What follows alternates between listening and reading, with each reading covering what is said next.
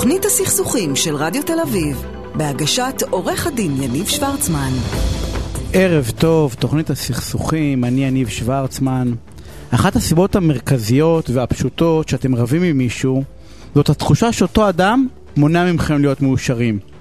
בן או בת הזוג שמונעים מכם להיות מאושרים, מקום העבודה והבוס שמונעים מכם להיות מאושרים, נותן השירות שמונע מכם להיות מאושרים, ההורים שלכם שמונעים מכם להיות מאושרים, החנות שמונעת מכם להיות מאושרים.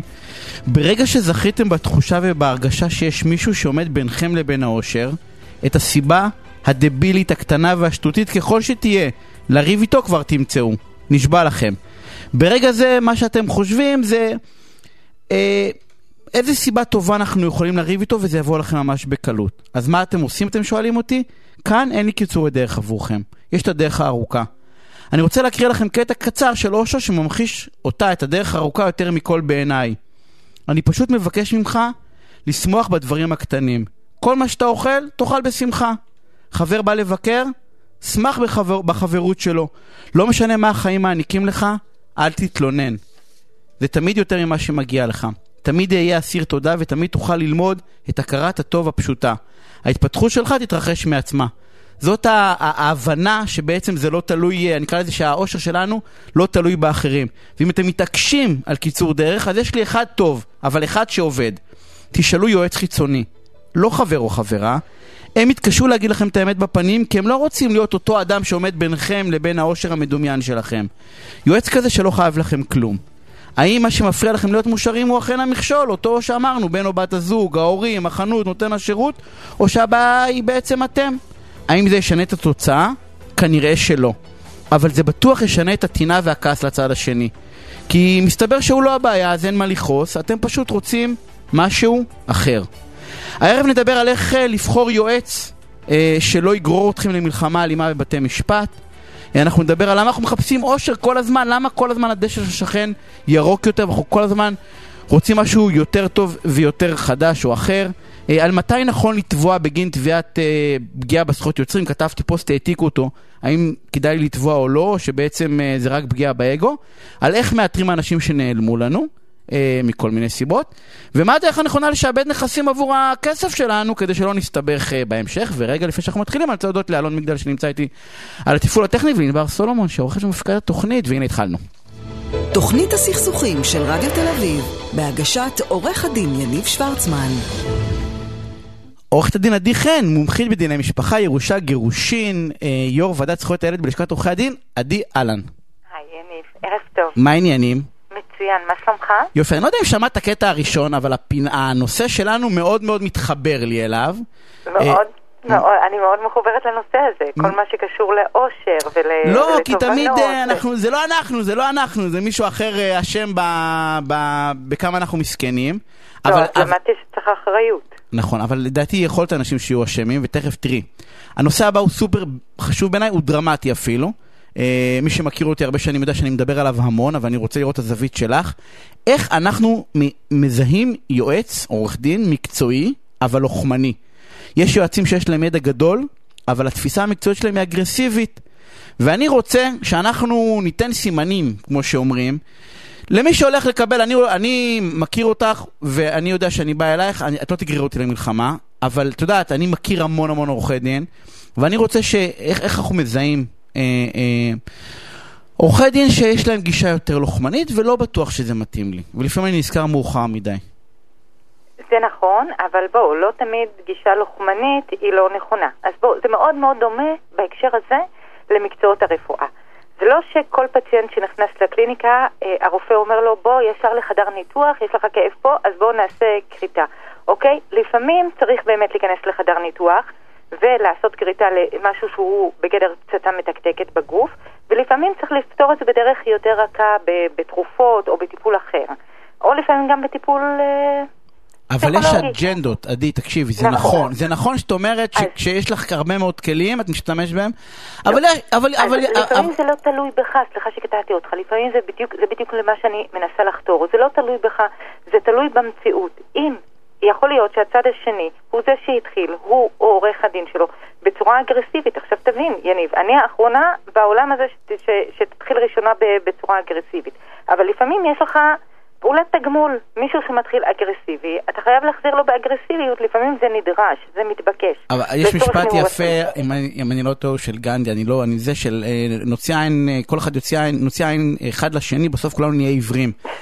אה, אין, אין בעיה, אז אני, אז אני, אני יוצא רגע, אני, כן. אני מבין מה את אומרת, את אומרת נותנים לי סטירה, אז בואו אנחנו ניתן סטירה אולי חזרה. תלוי איזה סטירה, יש סרטות שלא לא על כל דבר צריך לנהל מלחמה, אבל, אבל בוא ננסה, אבל, בוא ננסה למנוע מאנשים אוקיי. ואני אומר את זה, בוא, את יודעת, היה, שוחחנו לפני התוכנית על הדבר הזה, והיה איזשהו חשש שאולי יהיה מי שייפגע, בוא, אני לא, לא חושש מזה, אני אומר את הדבר הזה.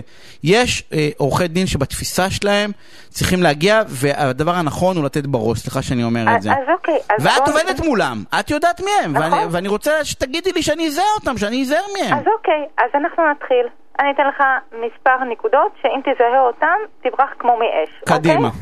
אז הנקודה הראשונה, עורך דין שעל ההתחלה מציע לך לעשות פרובוקציות, להמציא סיפורי בדים, להעליל העללות שווא על הצד השני, להגיש תלונות במשטרה, תלונות שקריות, להשתמש בילדים כקלף מיקוח, אה, לעשות דברים שקשורים בילדים בלי, לקחה, בלי לשאול אותך, בלי, בלי לראות שאתה בכלל קיים, כאילו אתה שקוף, או להבדיל, לנסות להתעקש על זמני שהות מאוד מאוד רחבים כשאתה בכלל לא יכול להיות עם הילדים.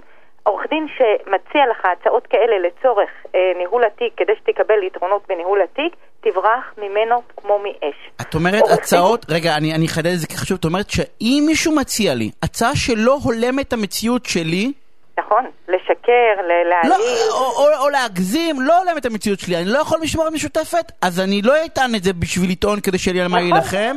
ואם uh, אנחנו רק מחליפים צעקות, אז אני לא אגיש לנו למשטרה על הדבר הזה שאני מרגיש מאוים, כי זה לא הולם את המציאות האמיתית לצורך העניין, לצ... המציאות האמיתית שלנו כבני זוג. כל העללות שווא, הפרובוקציות, אם הוא אומר לך, אתה יודע מה, אני שמעתי אישה שנכנסה אליי למשרד, אמרה לי שייעוץ משפטי אחר אמר לה, תקשיבי, כל דבר, את מורידה את האיפור בבית, כל הצמרי גפן המלוכלכים וזה, תשאירו אותם ככה ב, ב, בשירותים. את, אה, אה, כל האוכל תשאירי בכיור. תנסי לעשות בית מאוד מאוד מטונף, שלא לא נעים לגור בו.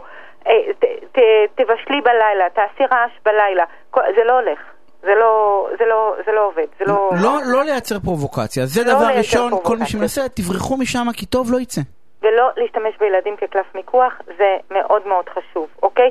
ואם יש דבר שמגיע לצד השני ו- ואתה סתם מתעקש לא לתת לו, אוקיי?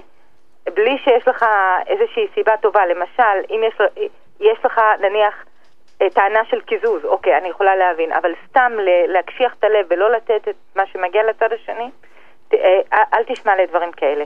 ב', חשוב שיהיה כימיה בינך לבין עורך הדין. אבל יותר חשוב מזה, עורך דין שכשאתה מתקשר אליו נותן לך ייעוץ טלפוני תוך חמש דקות בלי שישמע את כל הסיפור של שעה, שעה ומשהו שלמה של פעולת ארכיאולוגיה וישר אומר לך תעשה א', ב', ג', תברח ממנו כמו מאש. עורך דין טוב הוא עורך דין שיושב שעות על גבי שעות, הוא מכיר כל מילימטר בחיים של אותו בן אדם, הוא מבין מה, מי עשה לו מה מה הקשר של א' לב', הוא צריך לדעת הכל. עכשיו, זה לא ממש... חלוצנות, זה בעצם הכרח. כי לכל זוג יש את החיים שלו, כאילו. בדיוק, צריך לדעת גם את העבר, גם את ההווה, פרטי פרטים. מי שנותן לך עצה תוך חמש דקות, עצה טלפונית, בלי, בלי שהוא מכיר את כל הסיפור, תברח ממנו. מי שנוקב לך בעלות של שכר טרחה, בלי שידע במה מדובר, מי הצד השני שעומד מולו, אולי זה עורך דין שהוא מאוד מאוד אגרסיבי וכל שני וחמישי הוא מגיש לך בקשה ואז אתה הופך להיות קורבן של התיק, מבלי שידע אה, אה, מה אופי התיק. לא, אבל, אבל אמרת פה משפט סופר חשוב, תסבירי אותו, מה זאת אומרת קורבן של התיק?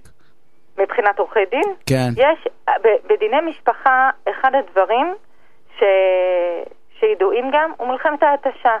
מי מתיש את מי, מי ממצמץ ראשון. אם אני מגישה כל שני וחמישי בקשות שונות, בסוף הצד השני ירים ידיים, כי, כי כמה, כמה, כמה הוא כבר יכול אה, ל, לשבת ולכתוב את אותם דברים ו, ו, ו, ולהכין עוד בקשות ועוד, אה, אנשים רוצים לסיים ממטלות. אז אם אתה מצליח, זה מלחמת התשה, אם אתה מצליח אה, אה, ל, ל, לתת לצד השני להתעייף, אז זכית, אבל בשביל זה אתה צריך עורך דין שהוא אגרסיבי, שהוא בנוי לזה. אוקיי? אז אה, עורך דין שנותן לך עלות, מבלי שאומר לך מה, במה כרוך הטיפול ו- וכמה בקשות יהיו לו וזה, אז תבין ש... את באה ואומרת לא שבסוף. אחרי, אחרי חצי שנה של ליטיגציה של בית, בית משפט למעשה, מה שיקרה זה שאני עלול, עלול למצוא את עצמי רב על 100 אלף שקל ששילמתי 150. נכון, גם. בגדול, כי אני לא ידעתי מראש לצורך העניין אני נכנס. נכון, ולפעמים שווה לך, יותר שווה לך לשלם את ה... אה, אה, לעשות את החישוב הזה של אה, התיאוריה הזו, מה יותר שווה לי, לשלם את ה-X שקלים הזה או ללכת למשהו, להליך משפטי. לפעמים יותר שווה לך לשלם את הקנס הזה ולהתפטר ול- ולהרוויח את השקט שלך, את החיים שלך, לא צריך הליכים משפטיים על כל דבר. אני לא רוצה להגיד לפעמים, אני, לעשות. אני לא רוצה לפגוע בפרנסה, כי לא תמיד, את יודעת, כמו שאת אומרת, לפעמים אתה נגרר למציאות הזאת, כי, כי יש אז עורכי דין. תהיה קורבן. אה, אבל זה דיון שאתה חייב לעשות אותו בכל מקרה. לא בעיניי עורך דין טוב, עורך דין שבא ואומר לך, אל תשלם לי, תשלם לצד השני. במקום נכון. שעם הפער או המאה, תשלם לצד השני בתשלומים וסגור את הסיפור הזה כבר. יניב, הרבה פעמים אני אומרת ללקוח, תחשוב טוב טוב, לפני שתפרנס את עורך הדין, שבכלל באים אליי, כן? לפני שתחשוב על לפרנס עורך דין ואת המשפחה שלו, תחשוב קודם לפרנס את הילדים שלך.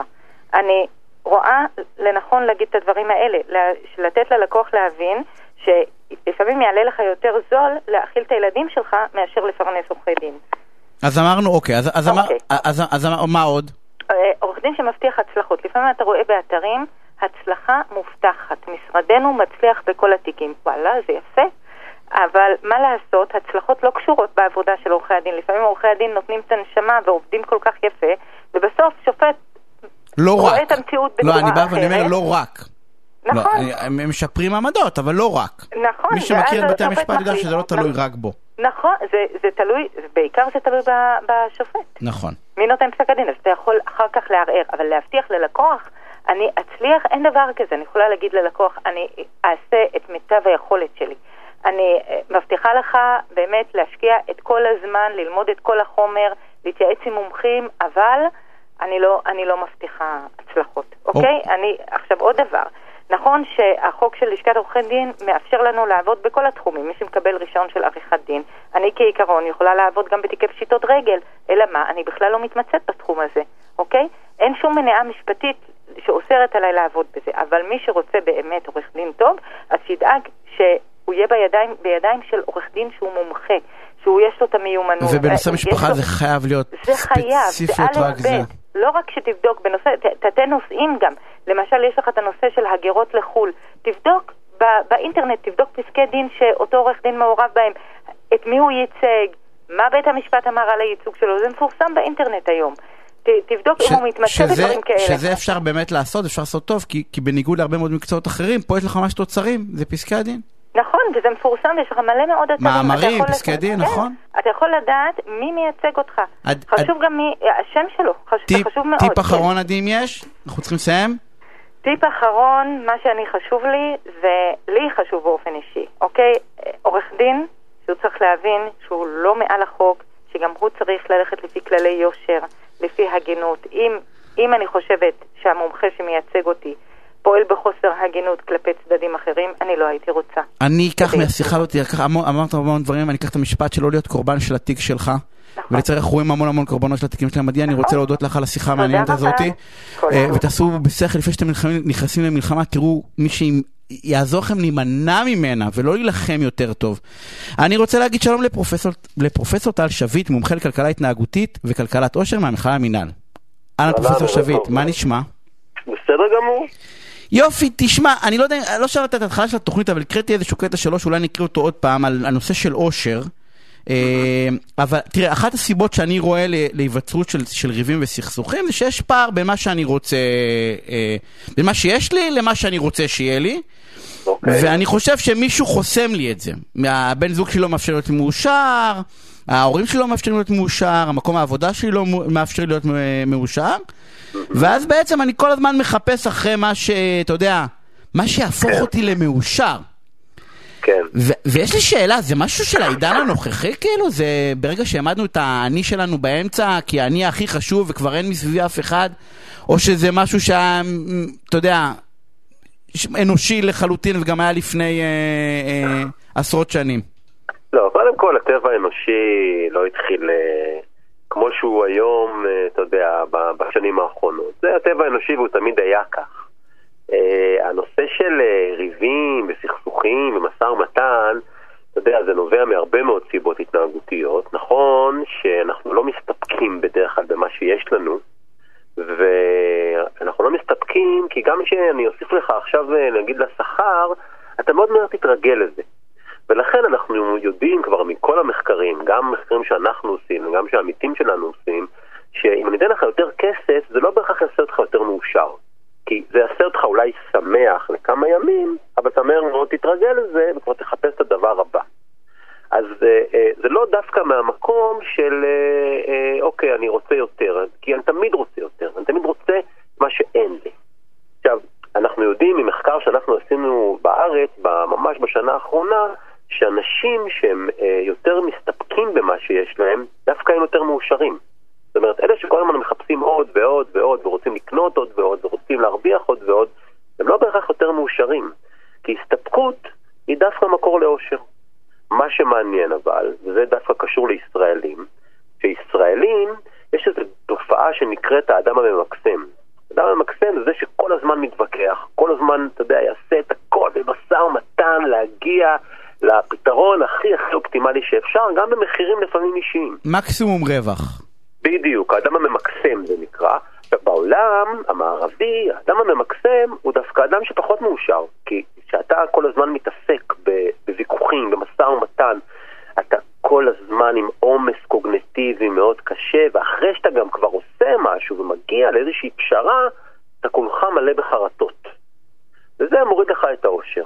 אממה, אצל ישראלים זה בדיוק ההפך. דווקא ישראלים, אלה שממקסמים יותר, הם יותר מאושרים. עכשיו תשאל למה? כי ישראלים לא רוצים להיות פראיירים. אצל ישראלי לעשות משא ומתן ולהצליח ולהגיע ולהוריד אפילו בכמה שקלים או להרוויח עוד כמה שקלים, זה משהו שיעשה אותו יותר מאושר. ולא משנה מה המחיר הרבה מאוד פעמים. ולכן הסיפור הזה של, אתה יודע, להתווכח במשא ומתן ולהגיע לפתרון שבעיניי הוא הכי טוב, הוא משהו שהתהליך עצמו לפעמים מייצר אצלנו את האושר. עכשיו, הסיבה השנייה, שהיא קשורה לאושר אבל גם לא קשורה, זה רמת האופטימיות. אני אסביר לך את זה בצורה מאוד פשוטה. נגיד שיש שני צדדים למשא ומתן, ושניהם נורא אופטימיים לגבי ההצלחה שלהם. אני בטוח שאני אזכה בבית המשפט, ואתה בטוח שאתה תזכה בבית המשפט, וככל ששנינו יותר אופטימיים לגבי הסיטואציה הזאת, ככה הסיכוי שלנו להגיע לפשרה הוא יותר נמוך. נכון. ככל שאני ואתה נהיה יותר פסימיים לגבי ההצלחה שלנו, ככה יש לנו יותר סיכוי להגיד, אוקיי, אני גם ככה לא אצליח בבית המשפט, אז בוא נלך לפשרה. עכשיו, אני מניח שאתה מכיר, יש הרבה הרי מודלים מתמטיים, גם בתורת המשחקים, שבעצם אומרים שככל שהעלות של הוויכוח תהיה יותר גדולה, ככה יש יותר סיכוי שיגיעו לפשרה. אם למשל היו מחליטים עכשיו שכל מי שמגיע לבית המשפט, אגרת המשפט תהיה הרבה יותר יקרה, אני מניח שיותר אנשים יגידו, אוקיי, אז בוא נלך לפשרה, חבל ללכת לבית משפט, כי זה מקטין את הרווח הפוטנציאלי שלי.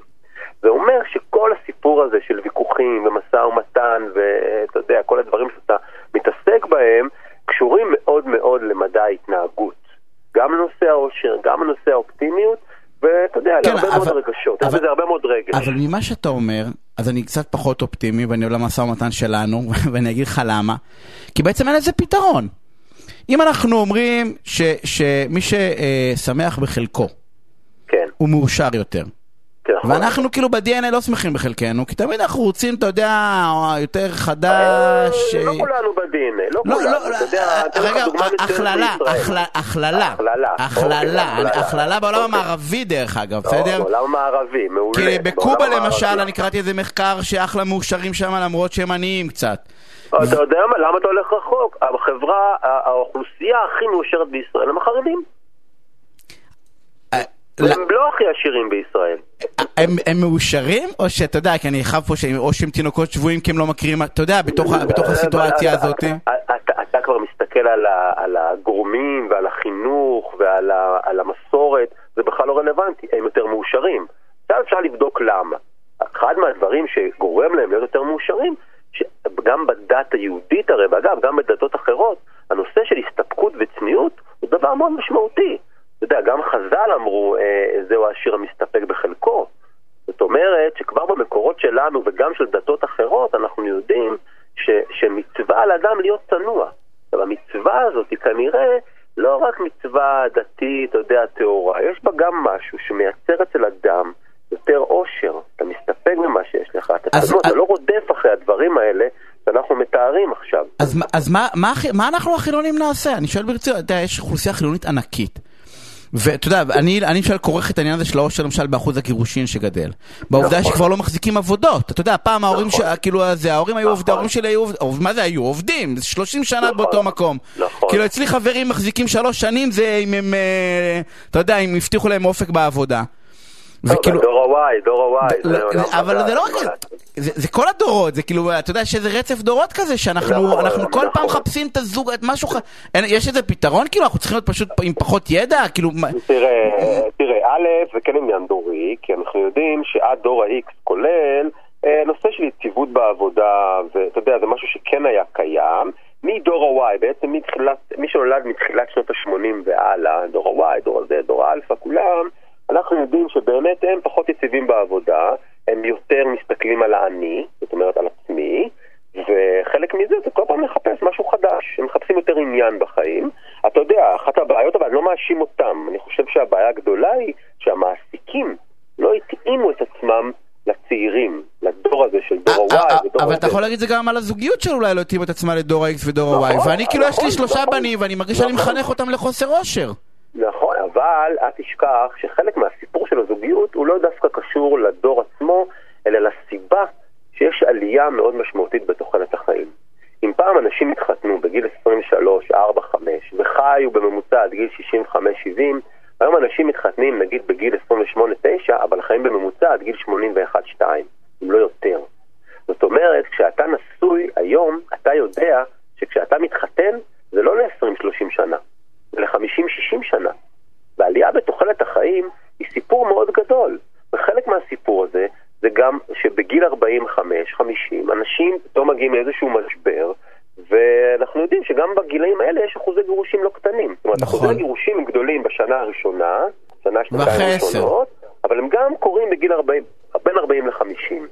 שם מגיע המשבר הזה של אמצע החיים. עכשיו, תבין, גיל 45-50 היום נחשב לאמצע החיים. מה שפעם היה, בוא נגיד, תחילת השליש האחרון של החיים. אז כל השינויים האלה ביחד גורמים לאנשים בעצם קצת לחשוב על החיים שלהם בצורה אחרת. אה, אבל תשמע, מה, מה זה יש פתרון? יש פתרון. חלק מהמחקרים שלנו על איך אני מנהל עושר, איך אני גורם לחיים שלי. אז בוא תספר לי איך אני, תן לי. שני טיפים איך אני מנהל אושר, אני אמשוך עוד אה, שתי דקות בשביל זה, זה איך- אני מנהל אושר, אם אפשר להגיד אה, טיפים, שני טיפים, אני אתן לך דברים קטנים שדווקא ק- בתקופה הזו של הקורונה הם מאוד קדימה. חשובים. למשל, ספורט. ספורט זה דבר מאוד מאוד משמעותי, אנשים לא מבינים את זה. כשאתה יוצא לעשות ריצה, מעבר לזה שהפנאי שלך הוא פעיל ואתה לא יושב עוד שעה מול המסכים האלה, שעושים רע מאוד לאושר ועל זה יש המון מחקרים, אתה גם מפעיל, אה, אתה יודע, את הגוף שלך, וה- והמוח משחרר הרבה מאוד אה, אה, חומרים שגורמים לך לאופוריה. אז זה דבר אחד. ספורט. מי שלא עושה ספורט, ולא צריך להיות מטורף, אתה יודע. הליכה. אפשר לעשות כן, הליכה בערב. הליכה מהירה שלוש פעמים בשבוע. לעצלנים, טיפ לעצלנים, זה טיפ שאם נניח אני לא רוצה לעשות ספורט, איך אני יכול להחזיק קצת אותה אושר, אתה יודע. אה, שלא יש יברח הרבה לי. יש הרבה דברים, אבל אה, אה, אתה צריך לנהל את הפנאי שלך בצורה אקטיבית. הפנאי שלך צריך להיות אקטיבי, זה לא חייב להיות ספורט. אסור לך להיות מכור למסכים, ושכל הפנאי שלך יהיה רק שם. זה דבר אחד. דבר שני, העבודה היא מכונה מאוד חשובה לאושר. ומי שחושב שהעבודה לא מייצרת לו מספיק אושר מכל מיני סיבות, ואתה אתה מהעולם המשפטי, אתה יודע מה זה התעמרות בעבודה, אתה יודע מה, מה זה יחסי עובד-מעביד. אם עבודה לא מייצרת אושר, בן אדם צריך לעשות חישוב מסלול מחדש. זה מאוד חשוב, כי העבודה היא בין חמשת הדברים שהכי מייצרים אושר. יש דברים אחרים שקשה לנו יותר לשלוט בהם, כי אמונה דתית, אנחנו יודעים למשל, שמייצרת המון אושר, אבל אף אחד לא יחזור לא בתשובה לא תמיד אתה נולד. לשם, נכון. אבל עבודה זה כן. ובריאות. פרו- פרו- בריאות פרופסור שביט. חייבים לסיים. המון המון תודה על הפינה המרתקת הזאתי. בשמחה. אה, מעולה, אנחנו פרסומות אה, וכבר חוזרים. תוכנית הסכסוכים של רדיו תל אביב, בהגשת עורך הדין יניב שוורצמן. וחזרנו, נמצא אותי עורך דין גיא קדם, מומחה בזכויות יוצרים, סימני מסחר ומשפט מסחרי. אהלן גיא, מה נשמע? אהלן יניב, ערב טוב. טוב. מה שלומך? אני נהדר. בפינה הקודמת דיברנו על אושר, אני, אה, אני לא יודע אם שמעת או לא. ו- ו- שמעתי טיפים לאושר. טיפים לאושר? בעיקר הספורט גורם לך לחשוב. כן, אבל כולנו, זה מין טיפ כזה של תאכל בריא, אבל בוא, אני בא לי המבורגר עכשיו, מה תאכל בריא? אבל לא, אבל האמת, כולם אומרים את זה, והאמת, העושר ומקום העבודה, שמסתבר שזה משהו שהוא מאוד מאוד דומיננטי, מאוד דומיננטי. אה, להיות מאושר בעבודה שלך. כן, אתה יודע, מישהו פעם אמר לי שעל ארז דווי אתה לא אומר חבל שלא ביליתי עוד שעה במשרד. אה, לגמרי, לגמרי. אבל, אבל גם לא בטוח שלא, אתה לא אומר חבל שלא רצתי עוד שתי קילומטר, אתה יודע, על אותו משקל. אה, נכון. תשמע, אני, אה, יש שאלה ש... אתה מומחה בזכויות יוצרים, ויש שאלה שאותי מעניינת, אני רואה אותה הרבה מאוד בפורומים בתוך הפייסבוק, ובכלל אנשים שואלים אותה. ונניח מישהו פגע בי, בסדר, העתיק פוסט שלי, העתיק את המאמר שכתבתי. מתי זה נכון ללכת אליך ואיך תשמע, פגעו בי בזכויות יוצרים, ומתי אני צריך להיעלב בשקט בפינה ולהגיד, לא נורא, בוא נתקדם, אין איזה פרס נובל לשלום שם. כן, תראה, קודם כל, אם, אה, אם אתה סבור שיפרו את הזכויות שלך, הדבר הראשון שאתה עושה זה אתה פונה ומבקש שיפסיקו את ההפרה. אה, בלי שום קשר לשאלה האם אתה זכאי לפיצוי או לא זכאי לפיצוי. אם אתה זכאי לפיצוי וביקשת שיפסיקו ולא יפסיקו, אז זה כשלעצמו איזשהו אלמנט שיגדיל את הפיצוי הכספי, או בנסיבות מסוימות אפילו יקנה לך פיצוי כשמראש לא היית אמור לקבל. אבל יש באמת מספר מקרים שבהם גם אם ישתמשו ביצירה שלך ללא רשות, סיכוי שתקבל פיצוי כספי הוא או נמוך או לא קיים. בדרך כלל, בדרך כלל מדובר על מקרים שבהם נעשה איזשהו שימוש ביצירה שהוא אמנם נחשב שימוש מפר, אבל זה שימוש שיש לו איזושהי תועלת חברתית. שימוש שהוא שימוש הוגן, ושימוש שבסופו של דבר, למרות שזה הפרה, הוא שימוש מותר. דוגמה, בית ספר עושה הקרנה פומבית לתלמידים של סרט. על פניו, לוקחים פה סרט, מציגים אותו בפומבי, בלי למכור כרטיסים, בלי לשלם תמלוגים, לכאורה הפרה. או מעתיקים איזשהו קטע מתוך ספר או מאמר בתוך איזשהו מחקר מדעי, או כותבים איזושהי ביקורת ספרותית, ואז מנתחים קטעים שלמים מתוך, uh, מתוך ספר. אתה אומר, רגע, העתיקו פה את הספר, או קטעים ממנו, אה, הציגו פה את הסרט, הפרו פה זכויות, לא ביקשו רשות מהיוצר.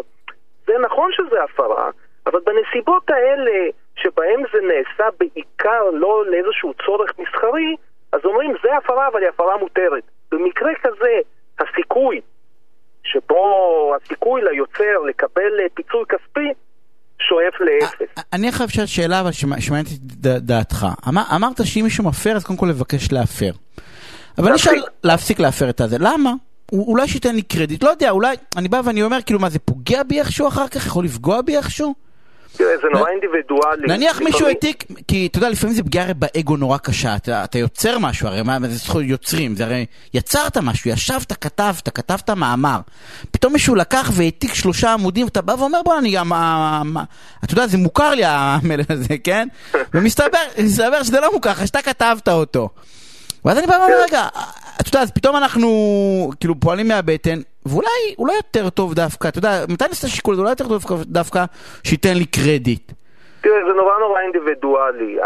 השופט חשין, המנוח מבית המשפט העליון, אמר פעם שהיחס של יוצר ליצירה שלו זה כמו היחס של הורה לילדים שלו. יש כאלה שהם, שמרשים לילדים לעשות X, יש כאלה שלא מרשים להם, או שמרשים להם לעשות Y. אותו דבר.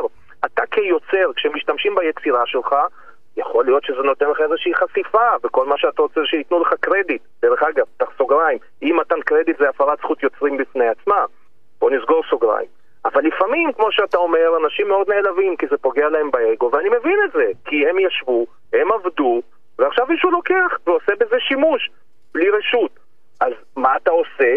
אתה יכול לבוא להגיד, אוקיי, תן לי קרדיט, או אתה יכול לבוא ולהתעקש שישלמו לך פיצוי כספי. עכשיו, יש פה שאלה גם... כדאי אבל להתעקש, אתה, אתה מכיר את זה, כמה, אתה יודע, רוב האנשים, עוד פעם, אני לא מדבר, מישהו, היה סיפור על, אה, על קמפיין של uh, חברת ביטוח שהעתיקו איזה נגן גיטרה, משהו כזה, יש שם איזה סיפור כזה. אז אתה יודע, זה נניח קמפיין בטלוויזיה, אבל רוב ההפרות הן הפרות, אתה יודע, של מישהו העתיק לאתר אינטרנט, יש כל כל מיני מערכות שסורקות הרי.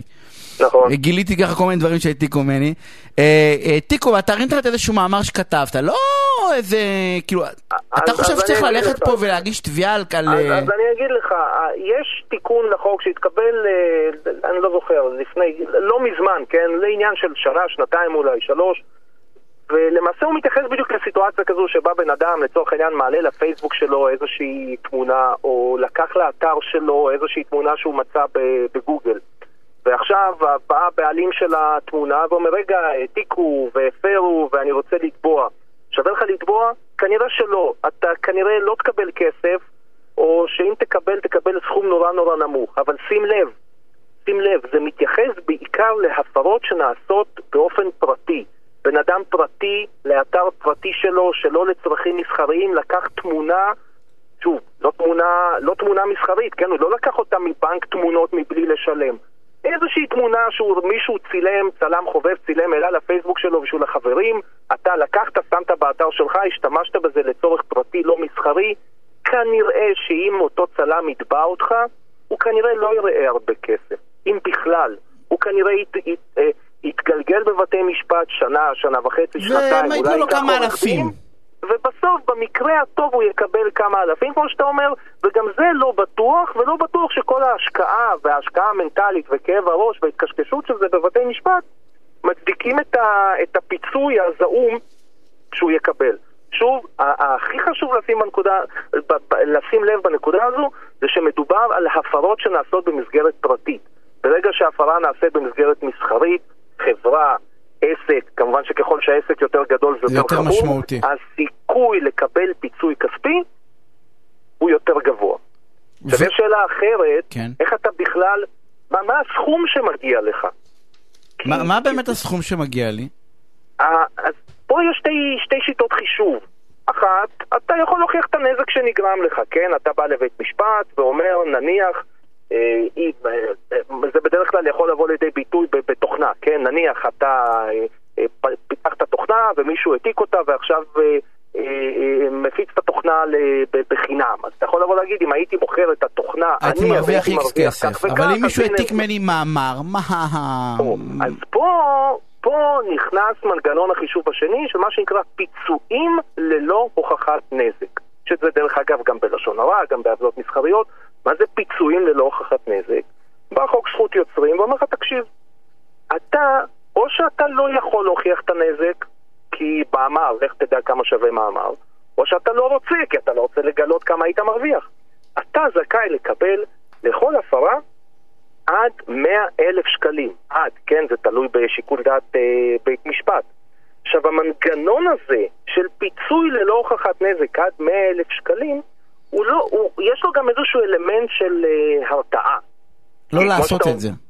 כן, כמו שאתה אומר, אה, מאמר, כמה הוא שווה, אז אם כל אחד יבוא ויעתיק, אז למה שאני, ומה, אני אתבע? אני צריך לעודד העתקות אם אני מקבל 100 אלף שקל על כל מה זה, אני אגרום אה, לאנשים...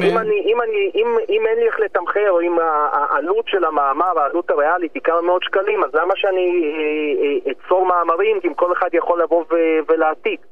אז בא הפיצוי ללא הוכחת נזק, ולמעשה הוא מרתיע את המפר, כי המפר אומר, אוקיי, לקחתי מאמר שאולי שווה גרוש וחצי, אבל אם יתפסו אותי ויתבעו אותי, הפיצוי ללא הוכחת נזק יכול להיות על זה. מאוד משמעותי. האמת היא שאנחנו צריכים לסיים, ויש שאלה אחת, אני אשאל אותה, ואנחנו נעשה עליה אה, עוד דיון קצר.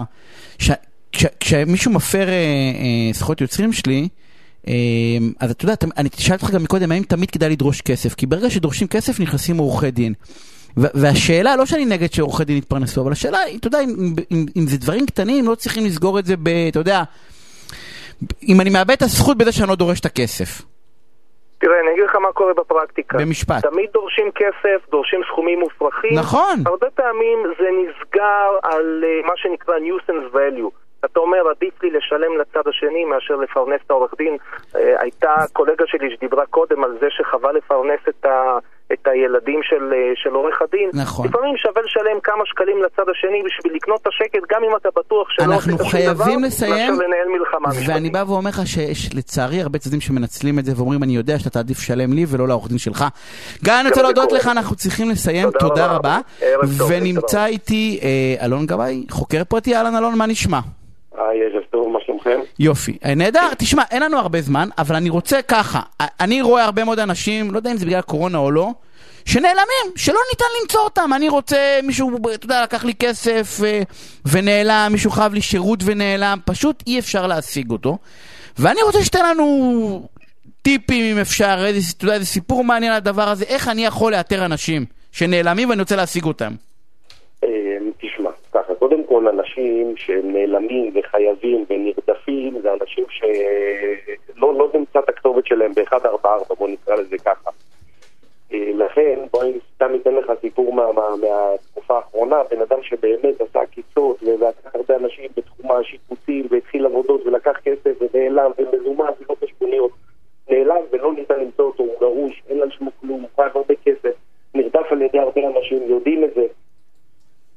גילינו בש... בצורה כזאת או אחרת, אני אתן זה במקרה, זה משהו שנעזרנו גם בתחום ה...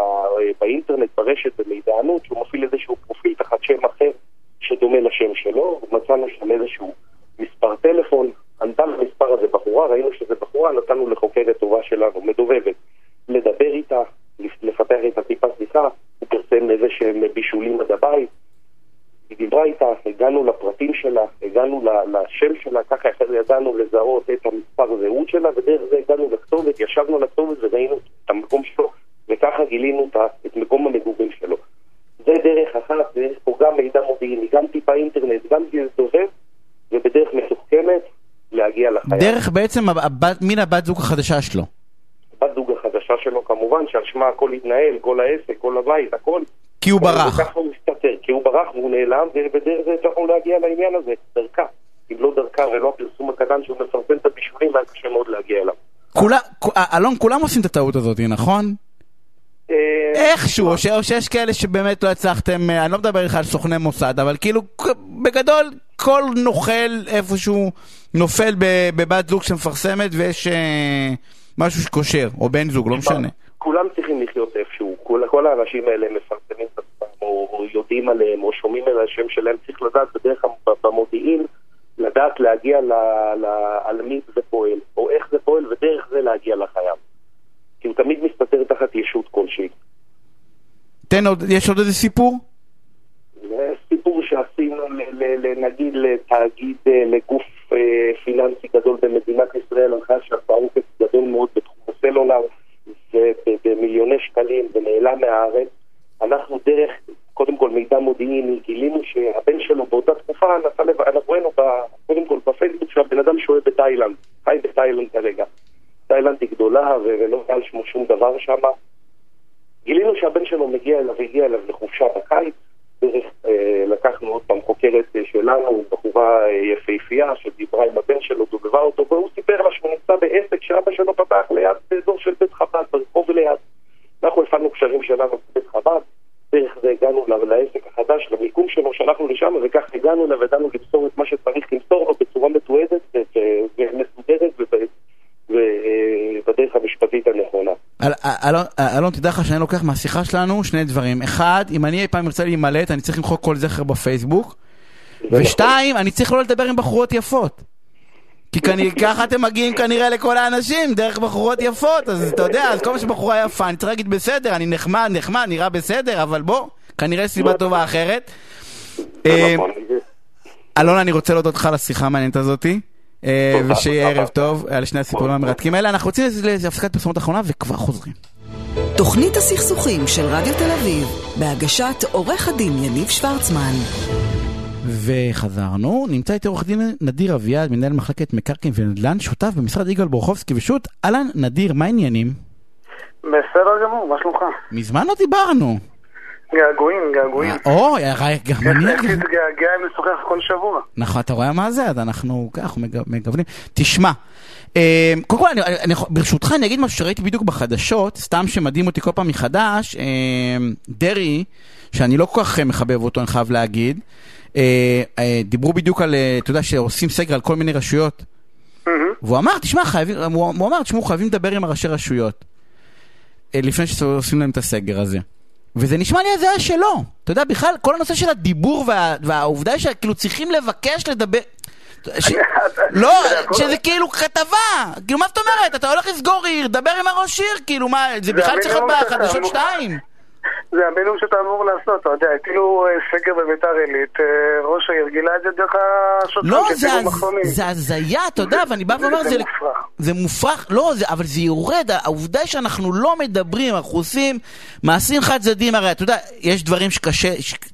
שצריך לעשות, ודברים קשים, ודבר איתנו, תדבר עם האנשים, צא, דבר עם האנשים מה צריך לעשות, באופן... תשתפו, תסבירו, תגידו למה, איך, מדוע, ולאנשים יהיה יותר קל לקבל את זה. אני יכול להגיד לך, אחד התחומים שאני עוסק בהם זה דיור מוגן. התחום של הדיור המוגן, בתקופת הקורונה, כולנו שמענו על המקרים בתחום הדיור המוגן, ואני יכול להגיד לך מידיעה אישית, שעד לאחרונה, גם תוכנית מגן אבות ואימהות שפרופסור גמזו ומימון ערכו, היה שם כאוס מטורף. כאוס יש תביעת ענק, לא? יש איזו תביעה ייצוגית, יש כל מיני... יש, שתי תביעות, תביעת ענק אחת אה, שהגישו כנגד משרד הבריאות על ההתנהלות במרץ ואפריל. יש תביעה נוספת שלאחרונה הוגשה. ואתה יודע מה, אני אספר לך סיפור קצר ואחרי זה נמשיך. קדימה, לא, זה חשוב, זה דווקא מעניין. כן, אני אומר, אבל אני יכול, אני יכול להגיד גם שוב, אני גם אה, משתתף בוועדות בכנסת בנושא הזה, אני יכול להגיד שהמדינה מחודש אפריל הבינה שצריכים לתת התייחסות ספציפית ושונה וייחודית לבתי דיור המוגן, לבתי אבות, למוסדות עם אנשים בעלי מוגבלויות, בגלל המורכבות ומסיבה אחת, האנשים האלו נמצאים במקבץ אחד, באותו בית, ותבין, כל פעם שיש חשד לחולה מאומת, אז יש סגר, אתה יודע, סגר כללי. אז מדובר באוכלוסייה שהיא אוכלוסייה בגיל, אה, בגיל הזהב. ופתאום הם נכנסים לדירה שלהם, אסור להם לצאת, יומיים הם יוצאים, לאחר מכן שזה חשד, עוד פעם נכנסים. כל הפינג פונג הזה זה מצב שהוא לא נכון, לא מבחינה פסיכולוגית, לא מבחינת ההתנהלות, לא משום בחינה. היום המדינה מבינה, וזה גם הודות לפרופסור גמזו ומימון, וגם ליושבת ראש ועדת הקורונה וחבריה, שהבינו שבאמת יש צורך ממשי וחיוני לתת התייחסות ספציפית. אנחנו, אה, אני גם אה, יושב ראש הוועדה בלשכת עורכי הדין, אז גם הלשכה... של מה, של דיור-. של דיור מוגן? כן, כן, ועדת הדיור מוגן הארצית, השתתפנו אוקיי. גם בוועדה בכנסת, וערכנו איזשהו מתווה שבאמת יכול להחזיר אותנו לאיזושהי שגרת אה, קורונה. להגיד לשגרה רגילה זה לא יקרה בזמן הקרוב, אבל איזושהי שגרת קורונה.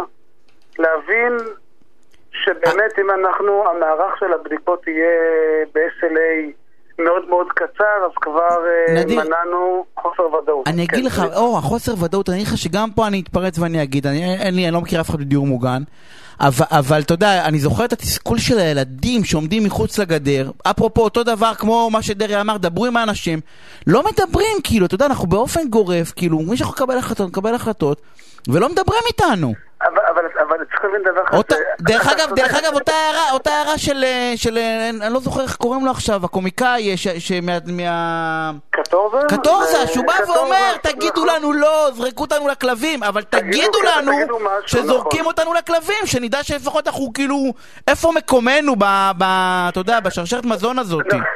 אני, אני, אני יכול להגיד, נכון לגמרי, אתה יכול אבל להבין, אני לא מנסה להצדיק, בסדר? אני מנסה להבין. כשאתה מבין משהו, החיים יותר קלים, גם אם אתה מבין שזה לא... אני יותר בסדר. מאושר, זה מה שאמר מקודם פרופסור שביט, שאני מבין, לא דווקא הוא אמר שאתה מבין, אתה פחות מאושר, אבל לא משנה. תלוי מה אתה מבין. אבל הנה, מה מה- מה להבין?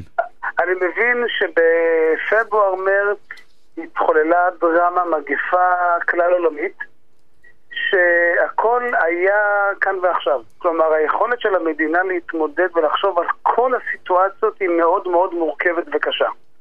לכן אני אומר, בהתחלה זה טבעי שיהיה איזשהו קושי אה, להסביר, כדי להסביר אני צריך להבין, אני לא, צריך אני- לתכלל. אני וכו', חייב, אני מתפרץ, אני לא מסכים איתך, אבל. זה תירוץ, רגע, נו. עומר, אתה תראה שאתה תסכים איתי. קדימה, נראה. אבל אני אומר, מחודש אפריל, שכבר, אה, חודש אפריל, מה שכבר הגל הראשון די חלף לו, והתמודדנו מאוד יפה, שם כבר הייתה ציפייה שהמדינה כבר תיתן איזה שהן הנחיות בהרבה יותר ברורות. בסדר? להגיד איזשהו קו מנחה, והיה ניסיון וכולי, אבל לא עשו את זה בצורה מספיק טובה, זה נכון. נדיר, אני רוצה להגיד לך משהו, זה לא קשור להנחיות. אני לוקח את זה בכוונה גם לתחום שלנו, בסדר? ודרך אגב, אני שם, אני, אני אומר שאנחנו שנינו רצינו לדבר על נושא של בטוחות, ואם לא נספיק אנחנו נעשה את זה שבוע הבא. אבל אני, אני אגיד רגע מה כאן חשוב, בסדר? שאנחנו כל פעם באים ומתלוננים על המדינה שלא מעדכנת אותנו ולא מדברת איתנו, אנחנו עושים בדיוק אותו דבר. מגיעים אליי למשל זוגות בגירושין, שבאים ואומרים, אתה יודע, לא דיברתי כי חשבתי ש... אתה יודע, כל מיני תירוצים, בגלל זה לא הלכתי לבן הזוג ואמרתי לו שאני לא מאושר. אתה יודע, סכסוכים בעבודה, אז אומרים, כן, לא, לא פיטרתי אותו, לא משנה, או לא התפטרתי, וכל ה... בוא, דברו! אתה יודע, אנחנו לא מדברים. עכשיו, זה נורא קשה לדבר, אבל דברו. אני אמרתי למדינה, תערכי? לא, אני אמרתי לה, דברי איתי. תגידי, אני לא יודעת מה לעשות, ואנחנו במצוקה יחד אבל, איתכם. אבל, אבל המדינה לא יכולה להגיד למה לך, לא? אני לא כי מכיר, המדינה- המ- כי המדינה הבינה את זה עכשיו, נדיר, המדינה הבינה עכשיו, רגע, עכשיו אומרים המדינה- סוף סוף אנחנו המדינה- במצוקה.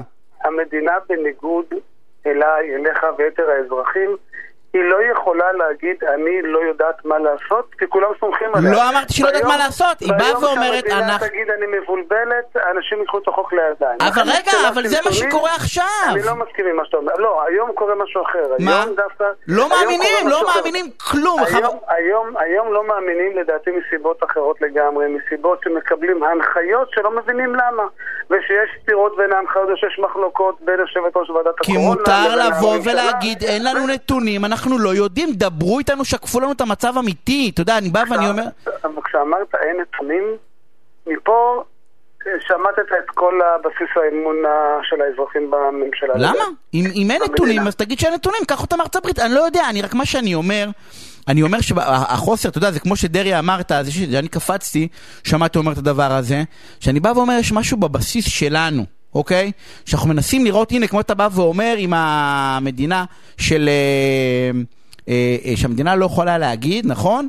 אה, שהיא לא יודעת. אז אני יכול להגיד לך שגם בוס בעבודה עלול להיראות חלש כלפי העובדים שלו, שיגיד, שמע, אני במצב כלכלי, אני לא יודע איך לצאת לא, מזה. לא, לא, לא. אז לפעמים אני אומר לא. אז לך, לך תגיד לעובדים שלך שאתה במצב כלכלי ואתה לא יודע מה לעשות. יניב, אתה צודק שבמקום מסוים כשהשורית המקצועית אומרת אני לא יודע ואני רוצה לבדוק ולחזור עם תשובה מהימנה, זה יתרון ולא חיסרון. כשמדינה אומרת, אני חושב אחרת, אבל אני רוצה לדבר על, ה, על, על התחום של הדיור המוגן כי הוא מאוד חשוב. הוא מאוד חשוב. בסדר, אני, אני יכול להגיד שהיום המדינה כן אה, יצרה איזשהו מתווה. היום המדינה כן יודעת להתמודד פחות או יותר, אבל עדיין לא מספיק. עדיין לא מספיק עם הדיור המוגן. אנחנו צריכים להבין שמדובר באנשים מבוגרים שנמצאים בבית, וכל שני וחמישי שיש חשד לחולה קורונה, יש סגר כללי על הבית. לכן מה שאנחנו הצענו, שאנחנו בלשכת עורכי הדין הצענו לפרופסור גמזו, גם לוועדת הקורונה, זה לייצר מנגנון מהיר לבתי דיור המוגן, כדי שנוכל לחזור לשגרת קורונה. הקורונה תלווה אותנו, לא יודע, שישה, שבעה, שמונה, יש 12 חיסון. וכון ויצמן אמר, תוך אה, חצי שנה, לא? הל- הלוואי, נו, אני חותם לא, אמרו לי לא. אה. לא לא יודע, שמעתי משהו, המכון הביולוגי בנס נס ציונה, כן, אמר ש... הלוואי, נו, הלוואי, אבל אני אומר, אנחנו צריכים לייצר חזרה לשגרת קורונה. חייבים. אי אפשר להשאיר את המצב, אתה יודע, בסגר. בעיקר לאנשים. האלה שלא נשאר להם, אתה יודע, זה נש- לא זה, אבל עוד הרבה שנים, שאתה יודע, כאילו כל שנה קריטית. נכון, נכון, ואני יכול להגיד לך אבל שאם, אני אומר לך מידיעה אישית, בתי דיור המוגן התנהלו ב, אה, בתקופה הזו בצורה נהדרת. באמת, בצורה נהדרת עם אחריות לכל מי ששוהה בבתי הדיור המוגן, בצורה באמת מדהימה, עם תוכניות עבודה וכולי וכולי, שבהתחלה היה קושי מול משרד הבריאות, זה כן היה לפי מה שאני יודע שהוא קושי, אבל הקושי הזה אני מבין שכבר נפתר, אנחנו רואים באמת התקדמות מאוד אדירה של המדינה בהקשר הזה, כי יש הבנה כמה מאוד חשוב לייצר ל... לאנשים בגיל אנחנו- השלישי את- היציבות. נדיר, אנחנו צריכים-. אנחנו צריכים לסיים את התוכנית. אה, אנחנו, כן, נו מה, אנחנו עשר דקות מדברים על זה שאנחנו לא יודעים לדבר, אתה מבין? אבל אני ואתה מדברים נהדר, אנחנו נמשיך את התוכנית הזאת, אנחנו נעשה את הנושא של הבטוחות ושעבודים שהוא סופר חשוב בעיניי, נעשה אותו שבוע הבא. אז בינתיים אני- מי שרוצה לחתום על הסכם הלוואה שימתין עוד בשבוע, בסדר? אז. בדיוק, לא לחתום על הסכמי הלוואה שאתם שומעים את נדיר שבוע הבא, או שתפנו. אליה כמובן לבורחובסקי. פשוט, אני רוצה להודות לך שערב מעולה, אני רוצה להודות לאלון. מגדל שהיה פה על התפעול הטכני וענבר סולומון שערכה והפיקה. אה, אנחנו שבוע הבא ביום שני בשעה אה, שמונה אה, בדיוק נהיה פה, יש לכם שאלות. או אתם זקוקים לעזרה, תפנו בפייסבוק, אנחנו נעזור לכם, אני אעזור לכם. נשבע שכל מי שיפנה אליי, אני אעזור לו לצאת מהסכסוך שלו. מיד אחריי דני סידס עם תוכנית מהממת, אז תישארו ותקשיבו שערב מהמם. ביי.